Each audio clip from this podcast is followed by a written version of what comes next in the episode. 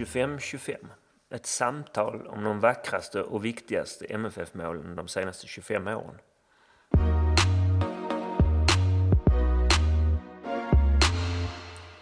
Vi som gör den här samtalsserien heter Tony Ernst och Henrik Zackrisson. all musik och alla jinglar är gjorda av Gabriel Ernst. Podden är klippt av Martin Ringstrand.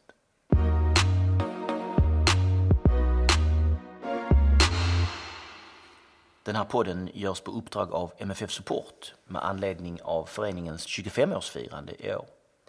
Vi tycker att du ska bli medlem i Malmö FFs officiella supportförening. Gå in på mffsupport.com för mer information. Mål 19. Erdal Rakips 2-1 hemma mot Östersund 2017.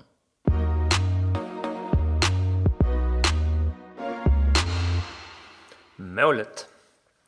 Vi vinner bollen vid mittplan. Klockan står på 93.40 ungefär. Eh, och det är fem minuters tillägg i den här matchen. Vi är bara åtta utspelare kvar på plan ju. Efter att ha fått två stycken av dem utvisade. Men fem av dessa åtta går ändå fullt blås i det här anfallet. Eh, det tycker jag är det mest imponerande med det här. Det är Erdal såklart. Det är ju eh, Anders Christiansen som är den som driver bollen framåt. Det är Jeremejeff som faktiskt är den som vinner bollen först. Det är Jotun på vänster sida och det är Windheim i full karriär på höger sida. AC blir fälld. Det blir han faktiskt. Han blir tryckt i ryggen. Men domaren som eh, också... Och vill ha frispark. Ja, det vill han. Och, och det vill ju vi också för att man vill ju egentligen bara att tiden ska gå här. Men domaren som också lite konstigt här står väldigt bra placerad. Han är nästan en- ända uppe i ACs rygg, friar, liksom, markerar verkligen, viftar, liksom, wash out med armarna. Det är ingenting. Och det är ju så här i efterhand är rätt så härligt. Men där och då ville man ju bara ha frispark och låta tiden gå. Och så blir det lite kaotiskt där. Den spelaren som har knuffat omkull eh, AC liksom glider lite framåt och rör nog den, en, en till försvarare i Östersund som halkar och trillar. Och den enda som egentligen på riktigt reagerar är Erdal. Som inte bryr sig ett dugg om huruvida det är frispark eller inte utan snor bollen, eh, får iväg ett riktigt hossiskott. Alltså snedträff och har nu tänkt sig att den ska gå i andra hörnan, jag vet inte vad. Och målvakten i Östersund står konstigt på benet och liksom lägger sig jättekonstigt och bollen rullar in i mål, ganska mitt i målet också. Och därefter vidtar ju ett oerhört besynnerligt måljubel. Det här noterar man inte där och då. Men när man har sett om det här på eh, Youtube eller i Allsvenskan-appen, och det har man ju gjort ett 60-tal gånger, då, då är det underbart alltihopa. Dels har vi då Erdals eget konstiga målgest. Han står liksom och har armarna i kors över bröstet och tittar sig omkring eh, generalsaktigt. Sen är det min favorit är Yoshi som rusar förbi i bild eh, med vansinniga ögon som att han inte riktigt har förstått att det är mål. Och så kommer Tinnerholm och kastar sig upp på, på eh, eh Erdal. Och sen kommer Yoshi igen springande från andra hållet. Förvirrande blickar som att vad är det som har hänt? Som att han inte riktigt fattar det.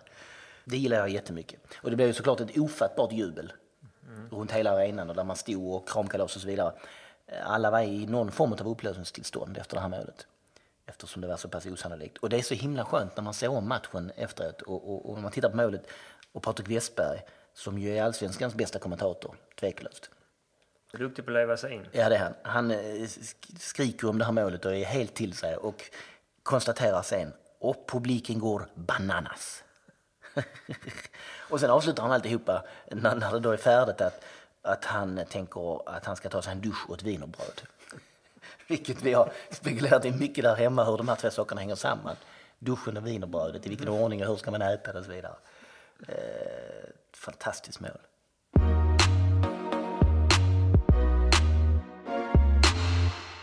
Tabelläget. Ja, faktum är ju att det för en gångs skull inte var särskilt prekärt. Eh, ni kommer kanske ihåg det här eftersom det här är det är klart det målet som ligger närmast i tid. Detta var den åttonde omgången. Vi hade skrapat upp på de sju första eh, 17 poäng.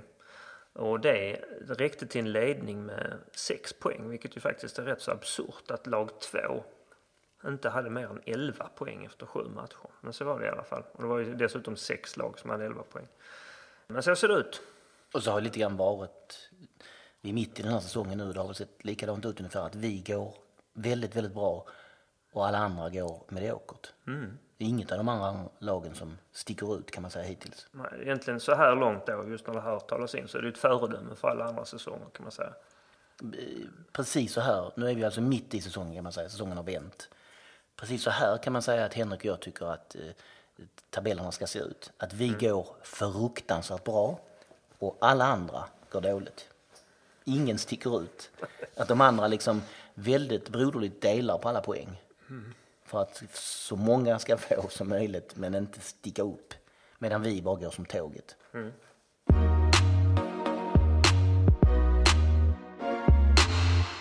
Matchen. Ja, vad säger man om den egentligen? Ehm, Den har ju till stor del valts eh, för att det är kanske den galnaste tillställning i mannaminne som vi har varit på. Jag minns, så här på rak arm så minns jag ju bara en eh, industrimusikkväll på gamla Stad Hamburg, du kommer ihåg? Eh, någon gång i slutet av 80-talet. Eh, jag jobbade då också lite grann, hjälpte till.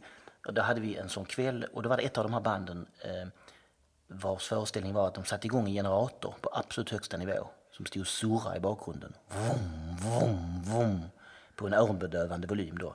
Samtidigt så var det ehm, eh, bandet då, en man och en kvinna, klädde av sig i bar överkropp. Slängde ut eh, hundratals kilo kol på golvet och sen hade man något- varsitt stort trädgårdsredskap som gick och hacka kolen till generatorns surrande. Det var själva eh, liksom, eh, Uppträdet. musikföreställningen. Och sen avslutade man konserten med att två stycken av eh, hemliga medlemmar uppe på balkongen kastade ut stora säckar byggdamm över publiken. Det är det närmsta jag kommer galenskap till den här matchen. Mm. Men det, och det kanske också är första, vi har ju på något vis med Europamatcherna 2014 och 2015 definierat någon sorts ny stämning, atmosfär på, eh, på stadion. Och det här kanske är första matchen utanför Europaspelet där det liksom ändå känns som att det är Europastämning. Det är liksom vibbar från Salzburg, Celtic och eh, Atletico Madrid och så vidare. Ja, det är det. Och, det, och vad är detta det beror på? Det var ju fruktansvärt hetsigt bland publiken. Och, och när jag spekulerat i det här så har ju nog att göra med själva utvisningarna. Det, det, liksom, eh, domarinsatsen eller vad man ska kalla det för. Eh, Östersunds sena kvittering och allt det där. För det finns ju ingenting i matchen egentligen. Ja, de är ett bra lag och är väl numera ett övre halvan lag men vi har ingenting att bry oss om Östersund egentligen ju. Men ändå blev det en sån fruktansvärt hetsig stämning bland publiken. Jag kände liksom efter tio minuter att jag var i upplösningstillstånd. På ett lite märkligt vis får man säga. Uh, vad, vad gäller själva matchen där så är det ju, tycker jag att ehm, vi spelar riktigt bra, framförallt i första halvlek, innan det blir utvisningskaos. Eh, men så kommer det där som lite grann har varit signum 2017 ju. Nämligen att vi uh, kanske det är svårt att skapa målchanser men, Till att börja med hade vi det upplever jag i år. Eh, svårt att skapa målchanser. Eh, men även sen när vi skapar målchanser så har har vi vi ju, haft lite problem med effektivitet. ja, får man säga. Jag minns efter matchen när jag kom ut så twittrade jag att det här var topp tre roligaste allsvenska matcher jag har varit på. Och det tror jag fortfarande jag står fast vid. Det- Det är ju såklart hur det slutar. Det är ju ingenting man vill vara med om för det är alldeles för jobbigt för hjärtat att klara av det här. Men så som det blev när det här målet kom så var det så himla roligt. Ja, det kan ju egentligen inte. Just den där inställningen att hoppas vi klarar att hålla kryss och så vinner vi. Nej, den är svår att, den är svår att toppa. Den. den är riktigt svår att toppa.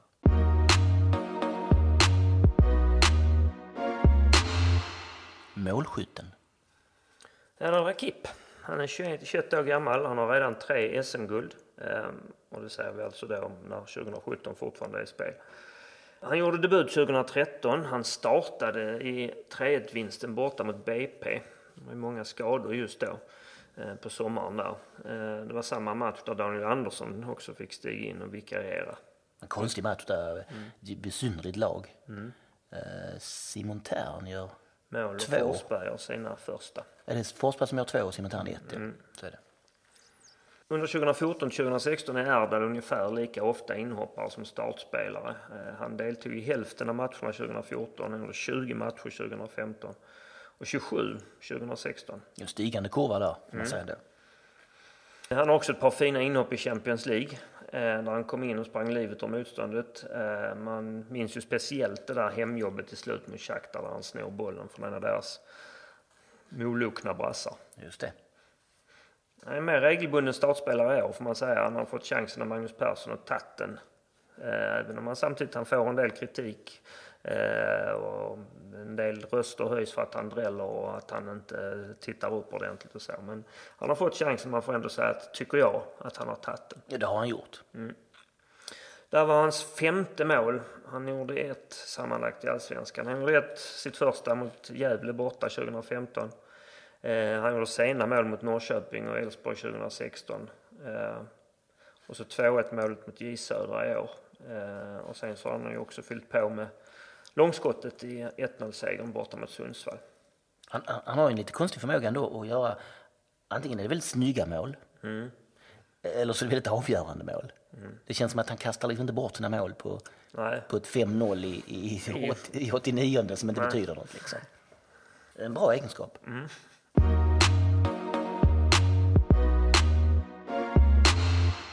Sista minuten-mål. Målet eh, kommer in, bollen passerar mållinjen när klockan står på 93.54. Och det har ju varit så eh, i år, 2017. Det har ju varit vändningar och vinster i sista minuten. Det här kanske är den allra skönaste, men vi har ju Filippes borta mot AIK. Eh, och vi har Djurgården hemma, även om vi inte är inne på övertiden då, så är det ju också en vändning som sker slutkvarten faktiskt. Ja. Men vilka är då de allra härligaste sista minuten-målen skulle vi säga under den här 25-åriga eran?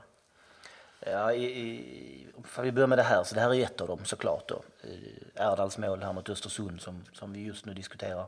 Um, och där är även Bergets mot Elfsborg som vi inte tog upp. Eh, 2-1 målet i 90 någonting. Det. Eh, och sen har vi ju Erdals mot Elfsborg 2016 hemma. 1-0 målet som eh, var ju lite grann av samma karaktär. Väldigt sent också, snyggt. Eh, och det får vi ju säga var med på shortlisten över eh, de här 25 målen. Ganska långt in faktiskt. Nästan enbart för publikjublet och, och stämningen där, det var fantastiskt. Men om, om, om, om vi backar, söker oss vidare de här 25 åren så är det ju Gilloans mot AIK 2013. Eh, Ska vi säga, premiär allsvenska målet på Friends. Ja, och i ärlighetens namn kan man ju tillägga att AIK gjorde ett mål där som felaktigt blev bortdömt offside. Men så kan det vara ibland i fotboll. Så kan det gå. Eh, vi, vi tänker på Jon Jönssons mot eh, Trelleborg 2004. Där matchen stod 2-2 länge, länge. Där vi var remarkabelt mycket bättre. Men som vanligt mot Trelleborg i de här, den här eran så, så gick det liksom inte in bollen. Men han eh, nickar in bollen på ett Andreas Yngvesson-inlägg, lite huvudet bakom. Han får liksom böja sig bakåt. Ingen kraftfull nick Nej. utan lite lobbartat. Och, och det betyder då 3-2 och sen fyller Skog på med, med, med 4-2 på extra övertid. Eh, ja, så har vi Daniel Landskogs eh, mot Umeå 96 där han rusar ut och slänger sig mot klacken. Man kan väl säga att den där Trelleborgsmatchen 2004 också var väl den då som fick Prahl att uttala att det här kanske är vårt år ändå. Den försiktiga generalen ja. Eh, när, när, det, när det sen eh, gäller mål mot oss av samma karaktär. Ja, vi måste ju grotta lite i sånt, Ja, såklart. sånt dystert. Det här eh, samtals... Eh, eh, säsongen vi håller på här med de 25 målen är ju lika mycket terapi. Ja, jag har ju starkt minne av den här Ljungskile kvitterar. Ljungskile kvitterar mot oss 1997. Vi spelar hemma mot dem och leder bara med 1-0.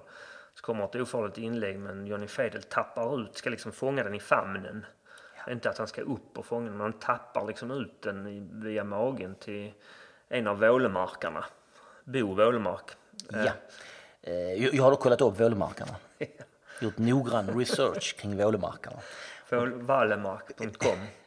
Och det visar sig då att eh, det är Bo som gör det här målet. Det här fruktansvärda sista minuten målet mot oss.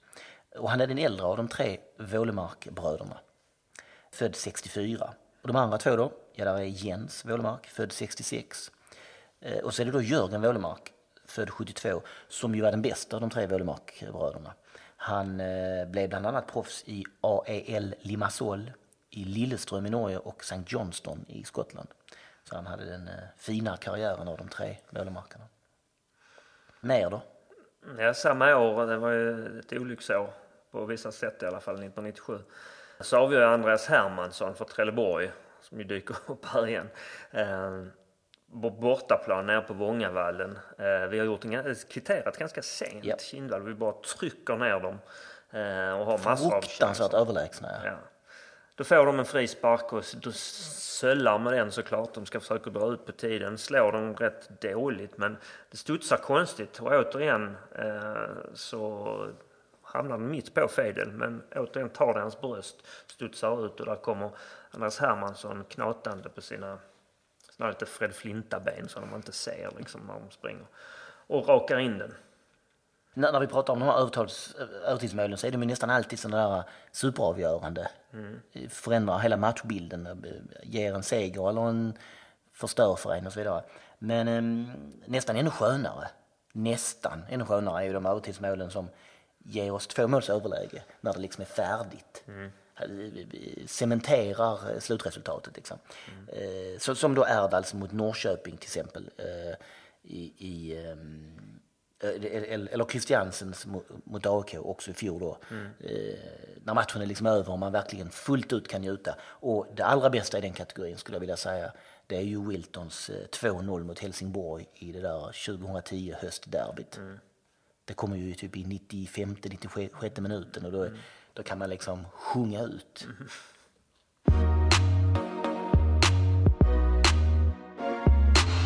Utvisningar. Det är inte jätteofta vi åker på röda kort. De senaste tio åren så har vi haft följande rad. 2, 2, 4, 5. 1, 1, 2, 5, 2. Och så 2 hittills i år. Det betyder 26 kort på 10 säsonger. Mellan 2 och 3 röda kort per säsong alltså. Eh, Och det är ju ännu mer sällan vi får två röda kort i samma match. Ehm, Jag tänkte först att det här är den enda gången eh, vi har gjort det, förutom då när vi får med 0-6 i baken mot IFK Göteborg. Då, ehm, det är alltså 2001 när Majstorovic och Roth åker ut. Men sen eh, satt jag länge, länge och funderade. Och så kommer jag på Gais borta 2011 på sommaren. Vi förlorar 2-0, riktigt risig match. Eh, Daniel Andersson och Wilton åker ut och jag undrar om inte båda två är för två gula kort var. Det är de matcherna med eh, dubbla utvisningar för oss. Här i den här matchen så får ju Safari rött i slutet av första. Eh, bråk, omkullknuffning med, med Hossam Aiesh i Östersund. Och sen så viftar Safari lite onödigt med handen får man säga. Och det blir liksom rätt svårt för domaren att göra något annat än ge honom rött. Och sen så får Brorsson rött efter en rätt rejäl tryckare. Mm. Du vet ju att på tv-bilderna ser man då, prisbilderna, att han när han ser den röda, att han liksom ser inte rött. Ja. Ser man. Och han ser verkligen chockad ut. Ja. Han Eh, Men den är, tycker jag då själv, ganska klar. Ja. även med viss subjektivitet kan man säga att den känns svår att invända mot. Och där har vi då lite tur att, att faktiskt att Jamie Hopcat i Östersund kommer fram och knuffar omkull och, och, och, och, och bråkar. Och det gör ju också det omöjligt för domaren att ge honom någonting annat än rött. Hade han hållit sig lugn där så är ju nog den här matchen över faktiskt. Men det är samtidigt svårt att säga annat än att det är den billigaste utvisningen av de tre, Jamie Hapcats. Ja det är det, men det är också kanske den onödigaste och det liksom blir lätt för domaren att, att eh, reda ut det på något vis. Båda får rött. Det blev ju ett jäkla gnäll på den här domaren efteråt och, och själv var man ju i upplösningstillstånd över hur usel han var. Men när man tittar på det efteråt så det är inte jättemycket fel han gör. Nej. Och jag vet faktiskt att, att, att eh, pressen hade frågat Graham Potter på presskonferensen efteråt vad, de, vad han tyckte om domaren. Eller domarinsatsen. Och det enda han hade egentligen att säga var eh, rather him than me. Om vem som skulle döma där ute.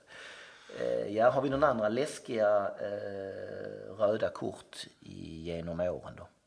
Ja, vi har Ado som har ett par stycken. Till exempel i andra hemmamötet med Salzburg. Det andra gula kortet där är halvvägs in i andra halvlek ungefär. Rätt så onödig frispark känns det som på mittplan. Ska vi, ska vi ta den storyn där då också kanske? Bäst att inflika den då. Det är alltså en av få sådana riktigt tunga, viktiga matcher som jag inte har sett. Utan jag befann mig på resande fot, eh, åkte Transsibiriska järnvägen och hade landat i Mongoliet i Ulan Bator. Eh, Där funkar inte Simor-appen. han gjorde inte det. Det var väldigt dåligt wifi överhuvudtaget. Så på det där skabbiga hotellet eh, där jag eh, var på plats så eh, hade jag satt klockan för att det här är ju framåt i tiden. Eh, och matchen gick väl, vad det nu gick, det var klockan var tre typ på natten i Ulan Bator. Eh, och då gick jag upp och för att inte störa min fru så gick jag in och satte mig på toaletten. i bara kalsongerna med telefonen i högsta hugg och väntade just på sms från Henrik. Och då hade vi kommit överens om såklart att du smsar bara när det sker någonting stort mål och då har vi genom åren utarbetat ett, ett, ett rätt så färdigt koncept. Man skriver då till exempel 1-0 Djurdjic nionde eller när nu det exakt det kom. Och det bankades upp rätt snabbt där, 1-0 och 2-0. Mm. Djurdjic och Rosenberg. Och, och, och, och sen var det tyst ett litet tag och sen kom 3-0 precis innan paus. Och sen fick jag en lite längre redogörelse för paus. Men i andra halvlek, alltså i 45 minuter, när vi är vidare, men där ett endaste mål betyder att vi är utslagna, så sitter jag i kalsongerna på en toalett i Ulan Bator med mobilen framför mig och väntar på sms och får under de här 45 plus tillägg, så säg 50 minuterna, får ett endast sms och på det står det Ado utvisad 63 och den halvtimmen därefteråt mm. spenderades i rätt så vild panik. Jag hade olika sätt att försöka eh, lösa det på genom att vända upp och ner på mobilen i två minuter och sen snabbt vända fram den och hoppas att det inte skulle ha hänt någonting. och nästa sms som kom då, alltså 35 minuter senare, 3-0 slut, hade du skrivit bara. Eh, det var faktiskt något av det mest absolut nervsammanbrottsmässiga jag varit med om. Mm. Så ska man inte se på fotboll. Nej, frågan är, apropå det där med system, om det samtidigt om det skulle vara bättre att skicka rapporter var tionde minut och säga att nu har vi inte så mycket anfallsspel längre. Att om inte det hade varit, eller nu byter vi ut mm, mot mm. Nej, nej, och det ville jag inte heller. Jag, jag var ju nöjd så länge skärmen var tom. Mm. Men eh, eh, det var fruktansvärt. Mm. det var Adus, det var, det på plats också. Det var Adus eh, röda kort mot Salzburg 2015 alltså. Mm. Eh, han fick ju ett också i premiären 2015 mot Sundsvall som ju dock var fullkomligt oförklarligt och där man sen i Simon-studion efteråt försökte analysera vad det var och man till sist hittade att han möjligtvis hade nuddat den ene Sundsvallsspelaren med fingret på axeln. Mm, det är straff där också. Ja. Det ser ut ett ganska hårt straff. Och när, det var Jens Fjällström som satt och analyserade det här igenom och sa att han hade hittat den här möjliga fingertouchen på axeln. Och då minns jag att Lasse Granqvist sa, men det kan man ju ändå inte blåsa straff och utvisning för. Eh, sen har vi ju Oskar Lewickis utvisning i cupfinalen mot Häcken. Eller är det too soon? Mm. Vi har Jotun mot Real Madrid. Eh, Kari mot Shakhtar. Men eh, de känns ju inte speciellt tunga får man säga ändå. Nej. Det är avgjorda matcher liksom. Mm. Ett som vi har letat fram här är ju Molins.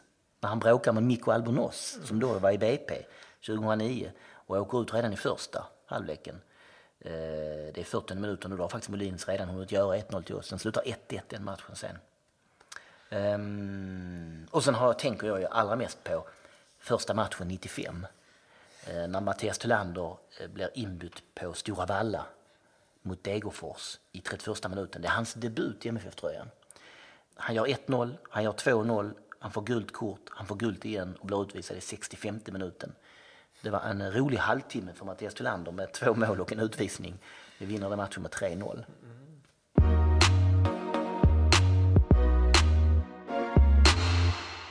På plats. Du minns målet förstås? Ja. Absolut, absolut. En konstig match.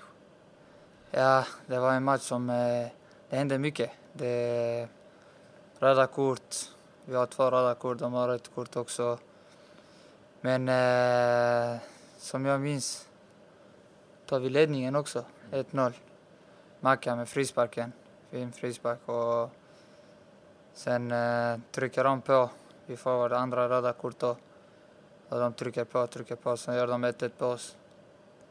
Men eh, vi fortsätter jobba till sista minuten och eh, vi, vi gick ner till nästan, jag vet inte vad vi spelade, fyra... Det var åtta utespelare ja, ja. Jag tror vi spelade 4-3-1 eller något sånt. Och eh, det var bara på kontringar. Så när vi fick en chans så sprang hela laget upp nästan. Vi var nästan fyra spelare där uppe, halva laget där uppe. Och eh, AC driver fram och trillar. Så får jag bollen och går förbi en spelare och rullar in den.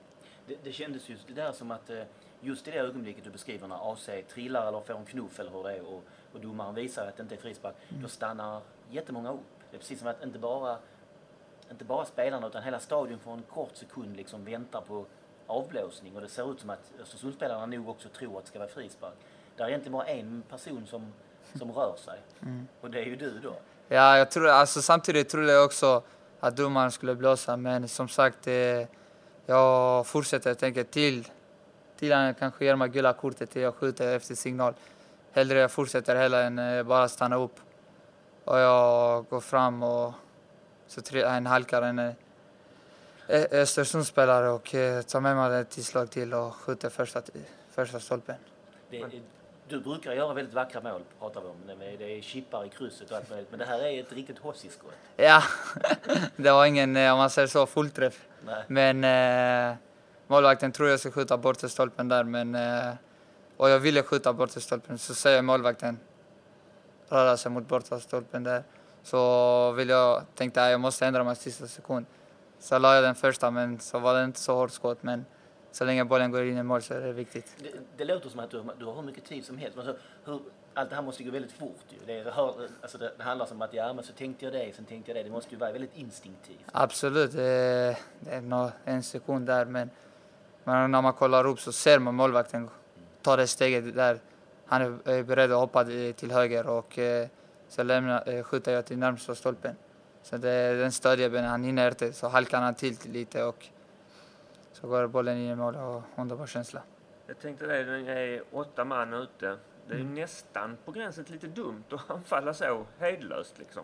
Absolut, men eh, vi, vi går dit för, alltså det, vi spelar hemma. Det spelar ingen roll hur många spelare vi har på plan. Vi ska försöka vinna våra matcher. Och vi går för vinst nästan på alla matcher. Och de hade också en match, en man mindre också. Så det blev, de hade nio utespelare, vi åtta utespelare. Så lite skillnad, ja, det blir lite skillnad. Men som sagt, det var 94 minuten. Vi tänkte det sista som hände. Då måste vi trycka på och eh, fick vi göra mål till slut. Ja, klokt val. Yes. stämningsmässigt känns det ju också som den här matchen, alltså på läktarna då, på något vis står ut i år. Var det något som ni eller du kände på plan också? Ja, alltså det är nästan samma klass som eh, när vi hade i Champions League. Så var det fantastisk eh, ställning här i Swedbank. Alla var här, alla hoppade och eh, känns så att eh, nästan alla hemmamatcher är så just nu. Som alla är här, alla är här på oss och eh, vi gör det bra på planen, de gör det utanför också. Med den stöden vi får, är fantastiskt stöd så det är därför det är där vi är just nu. Va, va, jag, jag, tänker på det här, ehm, för när man står på läktaren och, och det här, man ser det här ske då, mm. och du säger det 94 minuten och, och vi har ändå på läktaren är man, är man ganska nöjd med 1-1. Ja. För att vi är ju åtta utespelare kvar bara och de har kvitterat och de trycker på och har ju en Stolp. stolpträff i 93. Visserligen mm. har vi ju massor med chanser under matchen och en stolpe och en ribba mm. och så mm. vidare men just där i slutet så står man på läktaren och är ganska nöjd med 1-1. Så när du och Joshi och Jeremejeff och AC och Windheim far mm. fram, fem man. Jag, jag, jag tittar på det efteråt. Kvar, kvar på vår planhalva är Oskar, Lasse och Anton. Mm. Det är tre utespelare kvar alltså. Där, där jag hann känna att mm, ska vi inte ändå... Ja, jo klart, klart. Man, man kan eh, stänga matchen och komma hem men som sagt vi hade den, det läget, de tryckte på, de eh, kom upp med många spelare också. Så eh, var det bra omställning där och eh, vi kunde ställa om. Så gör vi det jävligt bra tillsammans. Och, eh, som sagt, jag, som, jag glömde Andreas också, den där. Mm. Som, eh, han kom där bakom mig till höger. Jag ville löpa ut till höger men sa till mig att springa in i banan istället så fick jag löpa in i banan istället så kom bollen exakt där istället. Hur, hur, ehm, för det här måste ju varit någonting jag pratat om för att just i år är det väldigt signifikativt. Det, det är inte första gången som vi gör mål i slutet och att vi kommer med mycket folk. AIK borta när vi lyfter mycket folk, eh, Djurgården borta och så vidare. Att vi går för det som du säger. Så det måste ju varit någonting som Magnus har sagt till er, liksom, att när väl chansen kommer där så trycker man på. Abs absolut. Det, är, alltså, det ingår, de, de går också upp i, i, De vill också göra mål och eh, sen när de kommer upp med så många spelare finns det bra omställningsläge att eh, gå gå upp på deras misstag och eh, det har vi jobbat på också. Sen att vi ska vänta till 94, 93, 92 minuten, det är inte kanske planerat men det har blivit så. Vi jobbar till sista minut och eh, till domaren blåser av. Och eh, vi har gjort det bra. Hur, hur är det rent, du sa det här innan, du försökte räkna ut hur, vilket system ni spelar. Hur är det rent organisatoriskt när, när man spelar då åtta utespelare, man ska täcka större yta och så vidare. Går det ens att liksom fundera på att eh, och jämföra det med hur det ser ut i starten av matchen. Liksom. Att då vet du att spelar du med central mittfältare vet du hur du ska röra dig. Men spelar du 4-3-1 så är det Mm. Väl svårare att liksom få ihop alltihopa. Absolut, men eh, vi, vi spelar alltså nu den här matchen mot eh, säsong 4-3-1 och eh, vi ville stänga mitten så mycket som möjligt och låta dem komma ut i sidorna. Och eh, centralt kanske de hade mycket så de inte får övertag i mittfältet. Så vi, vi, bara, alltså vi kom in mycket i mitten, lät dem komma ut i sidorna så jobbade vi ut med laget och lät dem komma till inlägg. Enklare att försvara sig än att komma in i, försvar, äh, i mitten där och eh, då är det mycket jobbigare att försvara sig. Så tyckte vi gjorde det bra. Magnus kom där ut och styrde stället och han sa att vi ska spela med 4-3-1 och vi tänkte ja, det han säger måste vi göra och eh, så spelar vi tre centrala och Det var, Man du, det- och, det var du, Oskar och Yoshi måste det ha varit där i slutet. exakt, där. exakt. Eh, eller jag tror det var AC. AC. AC. Mm, ja. Så vi tre där och eh, det blev mycket springande men det får man göra när man är två man mindre och eh, springa lite extra för laget. Du, du, Apropå du, det, förlåt. Ja. Men apropå det med springande så känns det som att eh, vi tröttnar inte i år liksom. Är det... Finns det även siffror och bevis, så att säga, sådana konkreta bevis på att vi är, eller ni är bättre fysiskt i år?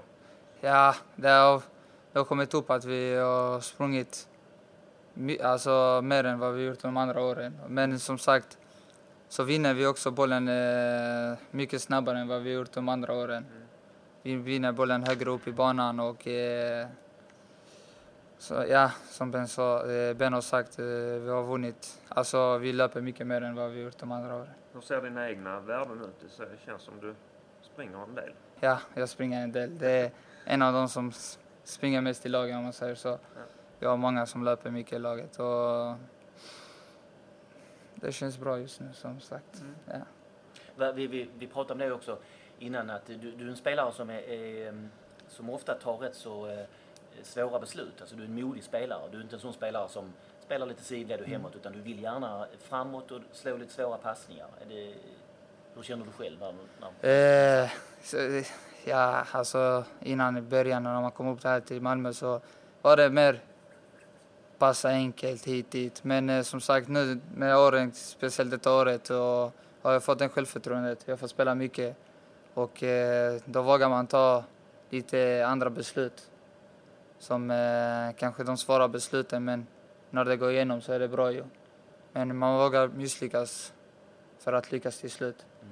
Så som sagt, eh, så ja, man har gjort eh, de svåra besluten till slut och det fungerar bra. Slut. du, du pratar som om du är väldigt erfaren och som du har varit här väldigt länge men när man tittar så är du, du är bara 21 år gammal. Du. Ja, Och, och, det, och det, i, i år kan du innebära ditt fjärde SM-guld. absolut. Det måste ju nästan vara någon form av rekord i, i, i Sverige. Eh, ja, jag kommer ihåg, alltså det är min femte säsong i år.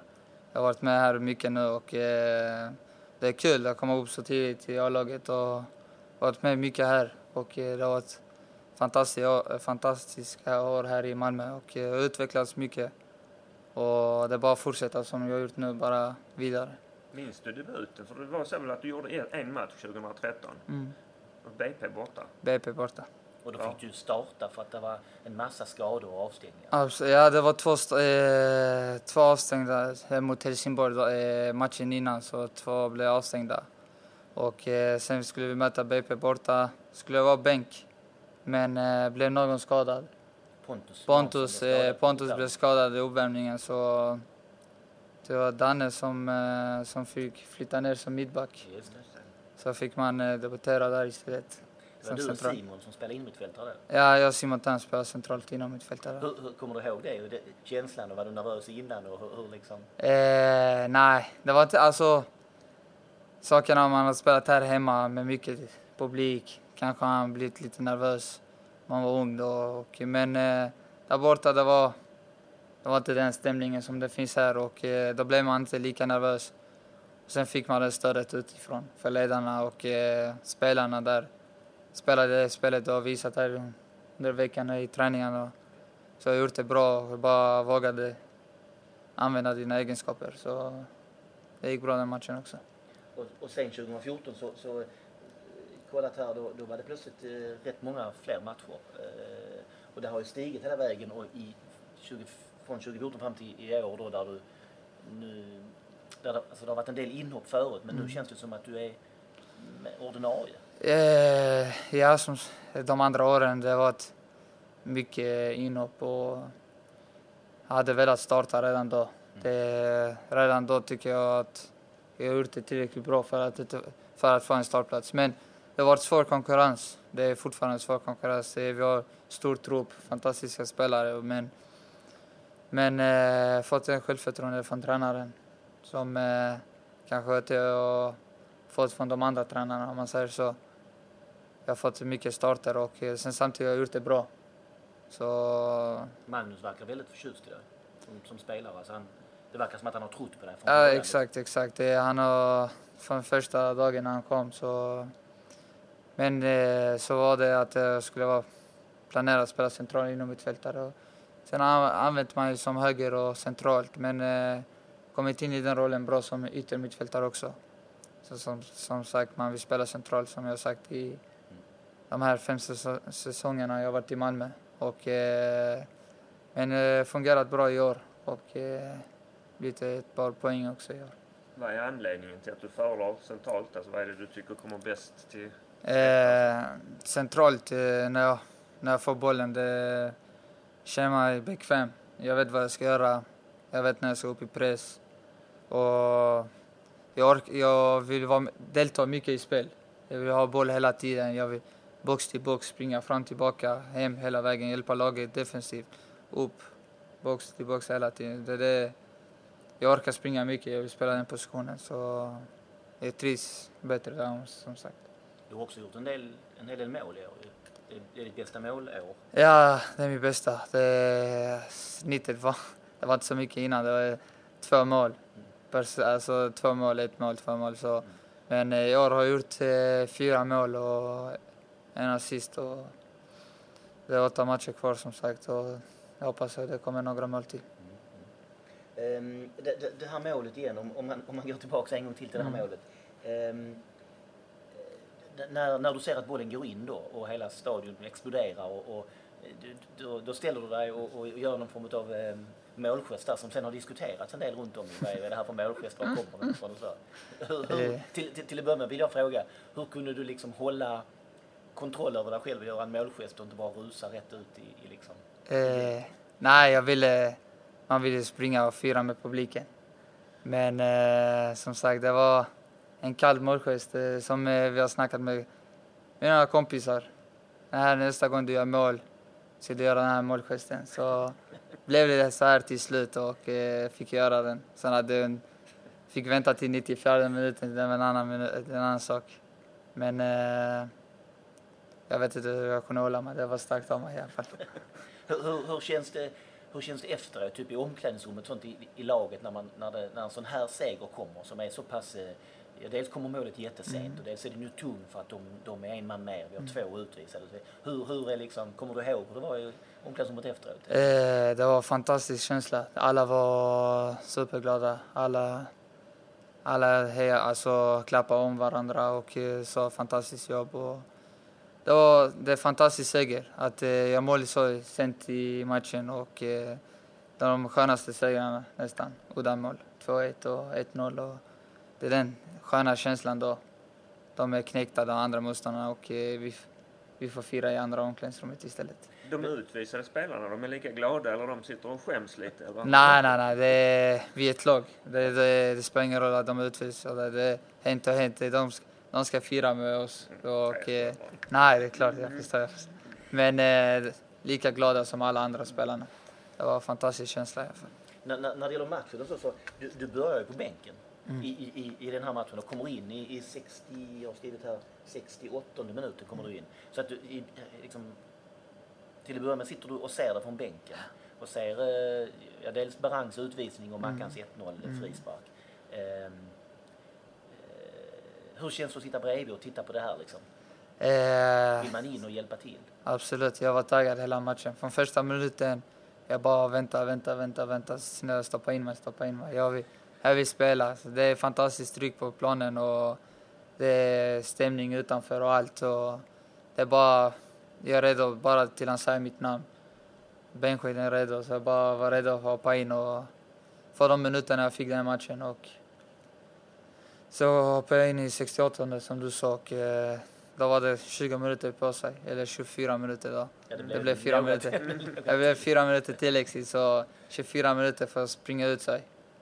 Jag bara fick löpa, löpa hela tiden och till slut fick man den chansen. Och, jag, jag tänker på det här, för inför den här matchen, det här är omgång åtta, då har vi spelat sju matcher i Allsvenskan, vunnit sex och en oavgjord. Eh, något sent avgörande redan då. Eh, har man det med sig i matchen att man vet att vi är, vi är bra, vi är bättre? Absolut. Eh, har man gjort det en gång så kan man göra det två gånger. Avgöra sent. Så det bara, det finns i, alltså i huvudet att eh, vi kan göra det. Om vi har gjort det en gång så det är bara att fortsätta jobba, pusha varandra på planen och eh, fortsätta kriga till domaren blåser av. Så får vi resultatet med oss igen. Det sitter i alla spelare, alla, Exakt, alla vet om exakt, det. liksom. exakt. Kan man känna det på motståndarna också, att de vet att det här gäller då, det här är Malmö FF, liksom, det gäller att passa sig? Ja, klart. Eh, om vi, de, klart eh, de vet att eh, om vi gjort det en gång så kan vi göra det en gång till. Så, så kanske de tänkte att de kan ställa en om, eh, så vi kan, det kan komma en kontring när som helst. Och, eh, men de hade sitt läge där innan. De, eh, de gick in all in till eh, 93 minuten sen träffade stolpen och så får vi chans direkt efter och gör mål direkt efter. Jag, jag utnämnde det alltså direkt efter av- avblåsning, av, när, när matchen var över, så jag att det här är en av de, det här är topp tre roligaste allsvenska matcher jag har varit på. Alltså som helhet, om man då ser på, dels är det, dels är de ju ett bra lag, Östersund är ett spelande lag och det blir absolut. roligare. Ja. Eh, Dels är det massor med chanser och så utvisningarna och så kaoset på läktaren och sen det här sena, sena avgörandet. Exakt, exakt. Nej, det var fantastiskt. Allt, det var stämning från... Eh, allt hände på plan, utanför plan från första minuten till 94 minuten. Det var action hela tiden. Det var mål, det var utvisningar, det var gula kort. Det var... De gjorde mål igen, vi gör mål igen. Det var hela tiden, det hände grejer. Målchanser på målchanser. Så det var bra match i alla fall. Det var mycket som hände den matchen. Det är ingen match som man, om man ska glömma så det... Jag kommer inte glömma den i alla fall. Jag, speciellt när man gör mål också så finns det där. Det är skönt. Är det det mål du liksom är minst med mest värme i år? Alltså, det, eller vilket mål är ditt, ditt egen favorit i år? Eh, favorit? Ja, det är denna då. Det är skönast om man är två man mindre. Det är två röda kort och får avgöra och eh, sen var det kanske inte världens finaste mål men det blir till, till slut blir det en av de finaste för att det är fortfarande tre poäng och eh, skönaste känslan då. Så det var en av dem. Hur, hur, hur, hur tänkte du? För jag, visst är det så att du lägger in det med vänster? Vänster. Och det är ju inte din bästa fot. Hin- Hinner Nej. man, du hinner inte tänka att jag ska försöka få över den på den andra foten eller någonting? Det finns inte utrymme. Nej, det finns inte en chans där. Eh, Alltså inne i straffområdet, det är bara... Du får smälla in den där i bortre eller första stolpen. Det, det är snabba beslut. Det, det hinner inte tänka så mycket. Om jag tar den till höger, högerfoten så kommer motståndaren blocka direkt eller tar bollen. Så snabbt som möjligt får du göra det. För, för du litar så pass mycket på din vänsterfot att du, att du tror att, den, att det kan bli mål? Eller? Ja, alltså jag har gjort, på, jag har gjort eh, mål innan med vänster också så jag vet att jag okej okay, vänsterfot. Det är ingen världsklass om man säger så, men den, den fungerar. Den kan avsluta, den kan passa så den kan göra mål också. Det, det, det finns ju ett annat mål som, som var med på, vi har, vi har valt ut de 25 eh, bästa målen de här 25 åren. Mm. Då. Det är ett mål till som var nära att komma med och det är ju då från i fjol, Mm. eh, Elfsborg hemma. Som jag misstänker att du själv också tycker är ett mål som är Ja, det var också där i slutminuterna och eh, det var om guldstriden då förra året. Att jag mål så sent, kom in i den matchen också. Och underbar känsla också där. dribblingsräden. Exakt, exakt, Man ja. vad du sysslade med. Exakt, exakt. Det var...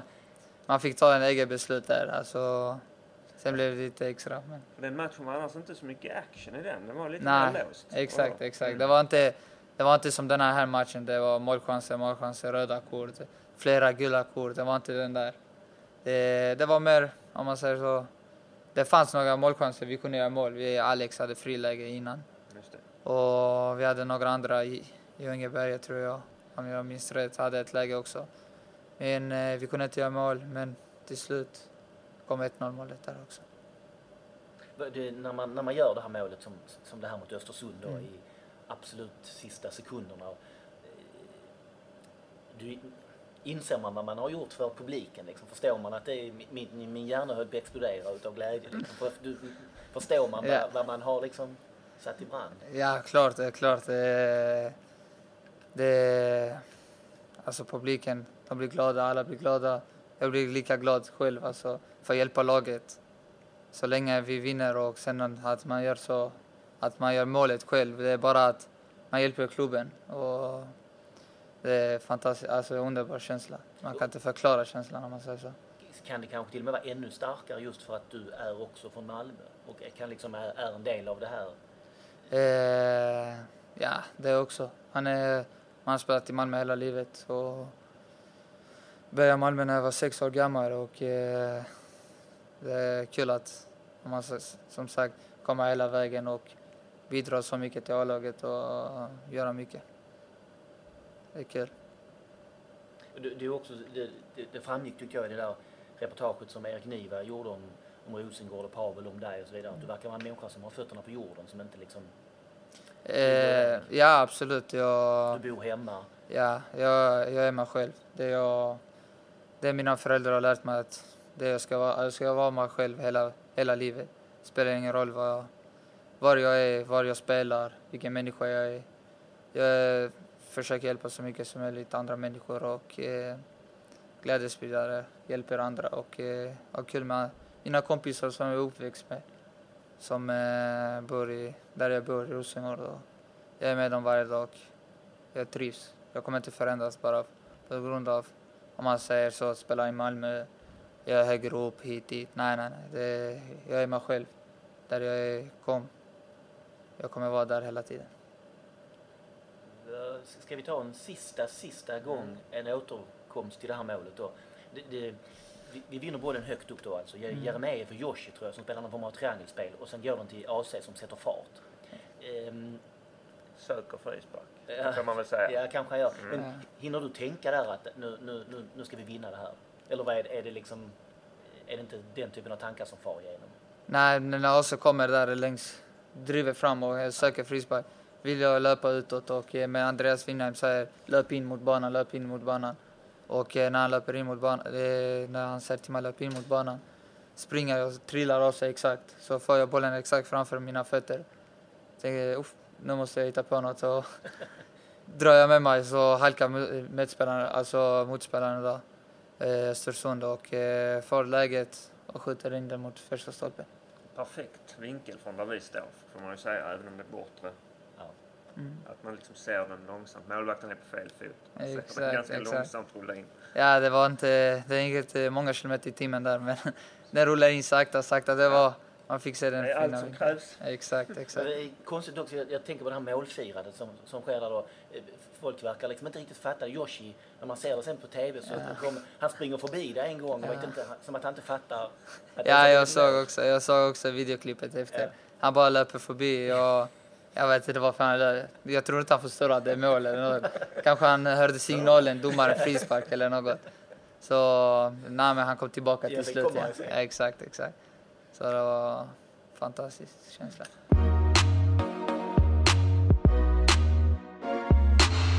Målgester. Efter det här målet så ställer sig Erdal med armarna i kors och ser sig omkring, blickar runt över sina marker. Ser det som. Eh, och det var ju vansinnigt coolt och besynnerligt och alldeles, alldeles underbart. Eh, har vi några andra målgester genom åren här som vi, som vi minns? Ja, vi hade ju Agon som korsade armarna och fladdrade med fingrarna. Jag fick för mig att det där skulle föreställa någon form av albansk örn. Så var det kanske. Men jag är inte helt hundra på detta. Nej. Um, och sen har vi något som kanske inte var en målgest i egentlig mening, men vi hade ju Peter Idje som hade bibelord på sitt t-shirten under. Och det var nya bibelord för varje mål, var det inte så? ja, jo. egenklottrade eh, bibelord. Liksom dåligt skrivna och lite inte riktigt täckande tuschpennor. Liksom. Eh, Niklas Skog hade en intressant också, inte hos oss då kanske framförallt, men när han vann det året han vann skytteligan för Frölunda. Eh, att han liksom ställde sig och så bara föll han pladask framåt. Ehm, Tänkte alltid att det slog han inte så liksom. ja, precis. Men det hade han lagt av med när han väl han var, spelade för oss. Eh, Vidar Örn, han formade någon form av rektangel med fingrarna. Det är Väldigt svårt att förstå. Ja, jag tar mig att någon frågade honom och han inte egentligen svarade. Nej, var lite, lite grinigt sa han inte. Det har, har ingen med att göra. Sen gick han väl över till hyscha, sådär. Som Ja. Rosenberg också har gjort. Som kan vara mäktigt men också lite töntigt. Den är svår den där, Va, va, vad har vi mer? Vi har de här volterna. Det är ju pampigt. Ja, men eh, ibland kan det kännas lite övermaga när man liksom har rakat in en retur från någon, meter från mål. Om man har gjort ett fantastiskt mål kan ju en volt vara, eh, vara okej, men annars känns det ju för mycket. Eh, forma hjärtan vet jag att du gillar. när, när Di Maria till exempel, som jag har varit runt i halva fotbollsvärlden, gör mål och formar ett hjärta mot publiken eller mot, allra helst mot Fel TV. publik. Ja, precis. Mot tv-kameran allra helst. Det um, har jag inte varit med någon har gjort i Malmö riktigt. Nej, det får man gärna låta bli också. För att tala ungdomsspråk här så är väl då ett lämpligt ord för att beskriva detta cringe. Ja. Annars har vi letat oss bakåt under de här fem åren så är det förvånansvärt fritt på just fåniga målgester i, i, i, eh, hos våra vanligast förekommande målgörare. Och, och favoriterna blir liksom, då får man ändå säga de som inte har någon målgest då. Och, och, och just för att de kanske inte gör mål så ofta. Eh, Marcus Hallste var en sån till exempel. Han eh, firade väl inte ens sina mål för att han, han gjorde dem så sällan och dessutom när man frågade honom efteråt så tyckte han ju att matchen är inte slut ännu. Nej. Lite förberoende. Ja. Då kan jag säga till en så kan jag vänta och jubla tills vi har vunnit. Och Jörgen Olssons målgester, och snarare avsaknad av dem, Precis. har vi också pratat Ja. om innan. Men eh, de allra bästa är de här som inte gör mål så ofta och därför blir orimligt glada och liksom glada utan att det, det, finns någon tanke bakom. Det är liksom ren oförställd glädje. Utan koreografi. I, precis, ja. Och då är det två stycken som man kan lyfta fram i år tycker jag för att få visa på det här. Det ena är ju Lewickis 3-2 mål mot AFC. Han sprudlar och springer ut och glider och vet inte riktigt hur han ska göra liksom. Eh, och Brorssons 1-1 mot Vardar som också är rusig glädje av en som inte är så van vid att göra mål. Eh, det tycker jag bättre om än att man har bestämt en målgest före som ska se ut på ett visst vis. Absolut. En, inte så att vi tar någonting emot. Erdal får gärna göra den här målgesten många gånger under många år framåt för det betyder ju att han gör mål. Eh, men överlag, rent allmänt, så är vi varken du eller jag speciellt förtjusta i, i målgester. Nej.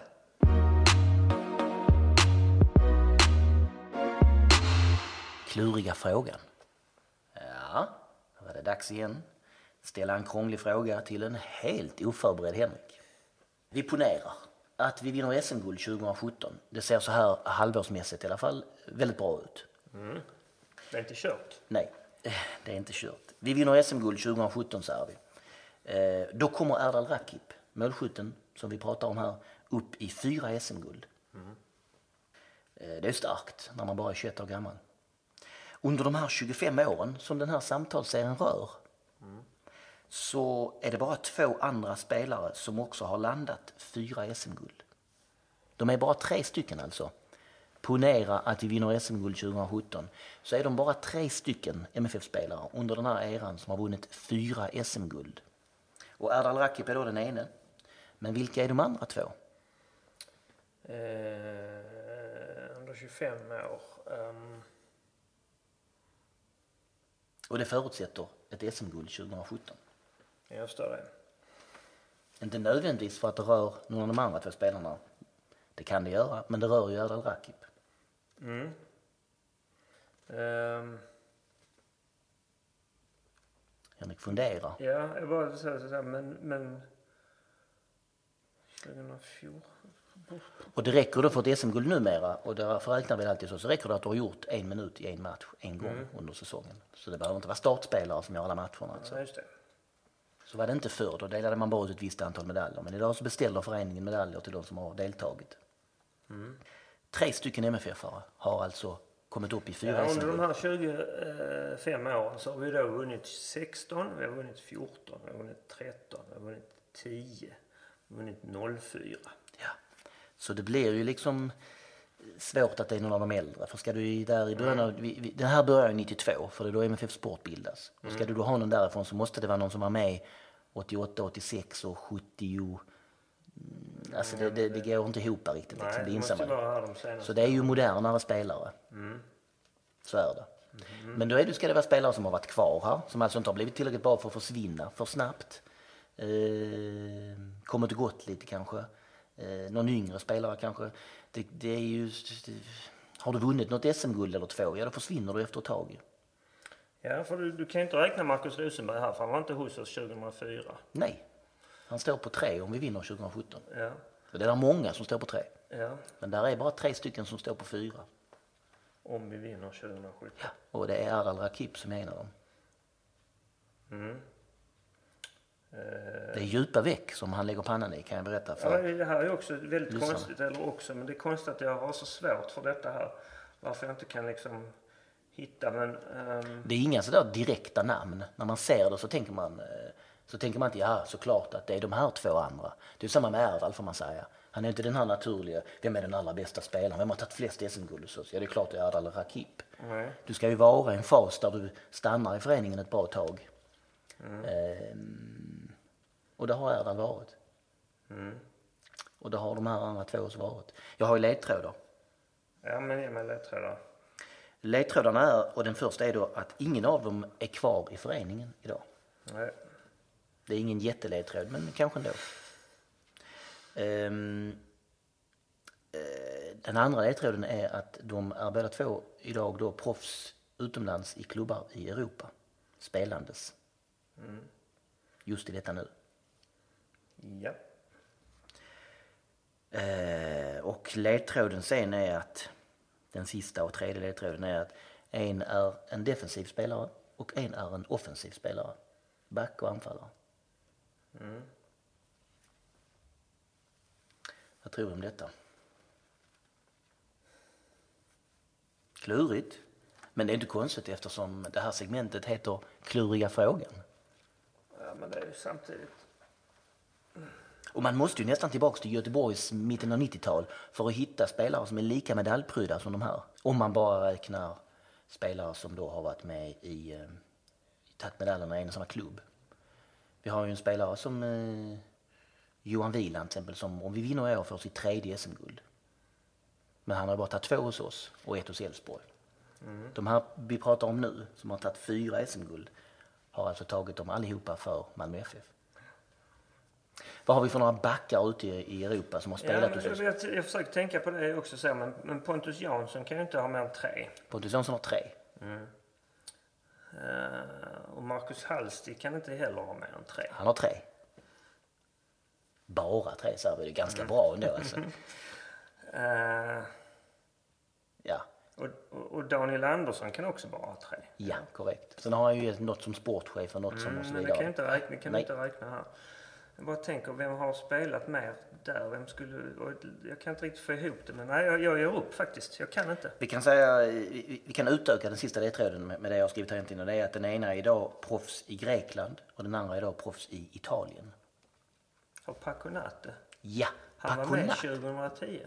Nej, han var med 2013. 2013. 13, 14, 16. Ja, men... Och så 17. Oh, ja, jag räknar fel, ja.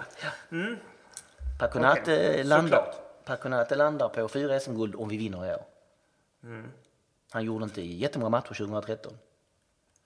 Nej, men han var med i truppen. Han gjorde en eller möjligtvis två matcher. Ja, okej. ja den borde jag. Och den andra är då proffs i Grekland. Där har vi väl egentligen idag bara två proffs. Vem är proffs i Grekland? Ja, det är inte Jimmy Durmaz utan det är Guillermo Molins. Den här får vi ta bort. Vi får nästan göra om den här menar du? Mm. Du har hittat på någon annan fråga. Du Guillermo, får Mo- skylla på någonting. Guillermo Molins var ju eh, instrumental i guldet 2010. Mm. Vi kan inte ha den tvn på här under tiden medan vi frågar om de här sakerna. Eh, sen var ju Guillermo Molins med andra halvan 2013, ska vi säga första halvan 2014 innan han korsbandsskadade sig igen. Och sen var han ju faktiskt med 2016 i början innan han försvann till Kina. Så Ja, det är har, ett fruktansvärt hjärnsläpp och det blir penibelt detta. men det korrekta svaret är alltså att vi har Guillermo Mollins, Paconato och Erdal Rakip som har fyra SM-guld om Malmö FF tar SM-guld 2017. Som sagt, den här frågan behöver vi inte ta med. Kära lyssnare, det är nu ett antal dagar efter den här inspelningen är gjord och jag liksom vill återvända till detta känner jag att jag vaknade dagen efter, eller morgonen efter, med den här, sån här obestämd känsla i magen att någonting är fel. Första smset jag fick från Henrik dagen efter är eh, jag frågade hur, hur läget så. Jo tack, det är väl bra, men det här känns ju såklart inte bra och egentligen jag har ingen, jag har egentligen ingen ursäkt och så. Jag förstår om du kära lyssnare frågar dig vem, varför sitter Tony här och pratar Malmö FF med den här mannen. Han skulle lika gärna kunna sitta med Carl Bildt. Ehm, men på något vis blir det att jag fastnar i att, eh, och det här är ju egentligen konstigt, jag fastnar i att det måste vara någon som var med 2010. Okej, på det viset kan det vara okej att inte gissa på par då. Eh, Men jag försöker i huvudet när jag är tyst här gå igenom 2010-laget och jag kommer alltså inte på, jag kommer inte för mig att tänka på Guillermo Molin som kanske är ja, bärande spelare under hela, ja, en av våra mest tongivande och bärande spelare under hela 00-talet egentligen. Ehm, och jag kan bara be om ursäkt eh, och säga att jag aldrig mer kommer att hånskratta åt sådana på, på spåret och så som inte kan någonting. För det kan verkligen stå still, jag inser det nu. Ehm, så ja, jag avgår. Kan, som det brukar heta, forumkrets, kan, kan jag avgå? Nej, du kan inte avgå för vi har flera avsnitt kvar. Men man ska säga ju det här. Men Molins är lite konstigt för hans säsonger eh, som han, som han bygger de här fyra SM-gulden på. De är ju eh, väldigt uppstyckade. 2010 är fine, där är han ju bärande hela tiden. Mm. Men jag kommer inte ens på när, alltså jag kommer Nej, inte på. nej, det är Jag försöker- Det är det jag är med på. 2013 dyker han ju upp på hösten. 2014 är han bara med på våren innan han går sönder. Och 2016 är han ju med en sväng innan han försvinner igen. Så det, det är lite ojämna, ojämna eh, säsonger de här fyra han har som är SM-guldsmässiga. Mm, du är snäll som försöker skylla över detta, men, men det är oursäktligt. Det är så jävla dåligt.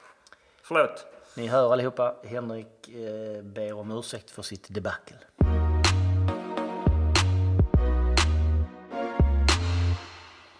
Mer om målskytten.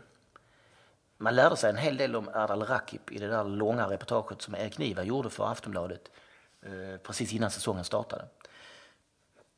Där visade det sig att han fortfarande bor hemma hos sina föräldrar och fortfarande delar rum med sin bror.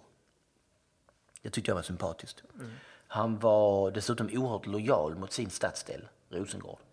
Eh, och försökte så mycket som möjligt faktiskt värna om eh, kompisar som inte haft det lika lätt som han. Eh, och han och Pavel höll på att fixa jobb till, till lite olika vänner och sådär. Han framstod i det där reportaget som en väldigt fin representant för såväl staden Malmö som föreningen Malmö FF. Jag är en av de här som är väldigt förtjust i honom. Han är en av mina favoritspelare faktiskt. Han får en hel del gnäll på läktaren. Men jag tycker mycket om honom, om honom som spelare. Eh, jag tycker han är modig, eh, explosiv och man får liksom alltid en spelare som går i djupet hela tiden när man använder sig av Erdal. Eh, han har brister också såklart. Han tappar boll ibland i onödiga situationer och sådär. Men han är som bäst, som han är i den här matchen. Ehm, så eh, får man liksom en X-faktor. Någon som inte riktigt befinner sig på plan där motståndaren kanske tänker sig att man, man borde befinna sig. Ehm, någon som inte är på sin förväntade plats. Och det här målet, på något vis är det liksom inte helt förvånande att det är just Erdal Rakip som dyker upp där och äh, AC ligger och Viftar nej, men AC ligger och viftar med armarna, det är ju frispark. Eh, Windem står bredvid och tittar också på domaren som att varför blåser du inte? Någon Östersundsspelare har halkat, en annan står också och tittar lite grann som borde inte vara blåst. Men Erdal skiter i detta. Han tar bollen och Hossis skjuter in den. Vissa av de här målen vi har med och de olika spelarna i den här serien är typiska för målskyttarna, vissa är inte speciellt typiska. Det här är väl ett väldigt typiskt Erdal-mål tycker jag. Att dyka upp där i den situationen, på den positionen och göra mål så som matchen har liksom artat sig. Det är väldigt mycket Erdal. Ännu, ännu typiskare hade kanske varit om den hade suttit snyggt liksom. Mm. Men hela, hela Hossi-grejen tycker jag är en extra, liksom, Dimension, ja, en extra, en extra bonus till det. Att det är ett riktigt ruttet skott.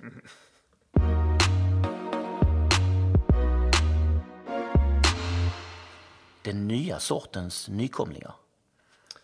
Ja, Östersund representerar något annat i svensk fotboll, något nytt liksom. Och lag som Östersund och Jönköping Södra och Sirius och så, det är nykomlingar. Jönköping visserligen och Östersund förra året, men de var liksom nya eh, i allsvenskan. Men de spelar fotboll istället för bara brunkar. Man, man jämför med lag som förr, som, då, som Ljungskile, Trelleborg, Mjällby och Gävle och så vidare. Det var en annan inställning. Detsamma gäller väl egentligen de lag som antagligen, kanske, som just nu så återgår upp till Allsvenskan 2018. Det är Brommapojkarna och Dalkurd. Eh, spelar fotboll. Det är inga bonkarlag och faktiskt är det ju till och med så att AFC trots en väldigt klen poängutdelning, de försöker ju spela fotboll. Ja, det är nog deras downfall. Mm. De skulle kanske varit ett sånt lag som brunkar, men mm. det gör man liksom inte i, i, idag. Jag, jag, jag, tror att det här håller på att göra någonting med svensk fotboll, någonting som är bra att även de här mindre, ska vi säga egentligen sämre lagen spelar fotboll. Jag hade en ganska lång konversation med Magnus Persson vid en u match i våras när jag eh, hoppade på honom i paus och började prata med honom om alla möjliga saker. Men då pratade vi bland annat om detta. Och han påpekade det, att det liksom höjer kraven på de större klubbarna eh, i Sverige. Det funkar liksom inte längre att bara leva på sitt namn. Eh, man måste spela fotboll. Han menar att det, liksom, det här var bra för att det tryckte AIK, Malmö FF, IFK Göteborg framåt. Eh, och där kan man ju se på IFK Göteborg som ett tag nu har på något vis trott att man kan leva på detta. Vi är IFK, det räcker väl. Men det gör det inte. För Sirius är bättre, Östersund är bättre. Eh, det räcker liksom inte att ha en bra arbetskapacitet, vi kan springa. Många av de som kommer fram nu, lagen och spelarna, är ju tekniska, snabba, jäkligt skickliga. Ehm, och de här u slutspelen Sverige har tagit sig till de två senaste gångerna nu gick det inte jättebra sist, men vi tog oss dit och var liksom en av de åtta bästa lagen i Europa, eller var det tolv den här gången? Men ändå, liksom, året innan, gången innan dess vann vi ju. Det är liksom, om man ser på de spelarna där så är det inte typiska svenska spelare, utan de spelarna eh, representerar någonting annat. Och där är Östersund tydligast ju. Man spelar på ett väldigt för, eh, bestämt vis. Det är tekniska lirare allihopa, man tar risker. Jag tror att det här är bra.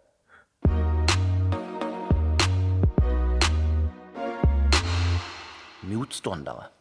Ja, låt oss titta lite på Graham Potter, Östersunds tränare som vann pris som årets tränare i fjol. De slutade åtta eh, och det är väl mer eller mindre så att de redan har klarat sig kvar i år. Det var ju till och med en del röster som höjdes för att de eh, skulle kunna utmana om guldet och det är väl förvisso inte för sent ännu när vi just här idag sitter och spelar in det här.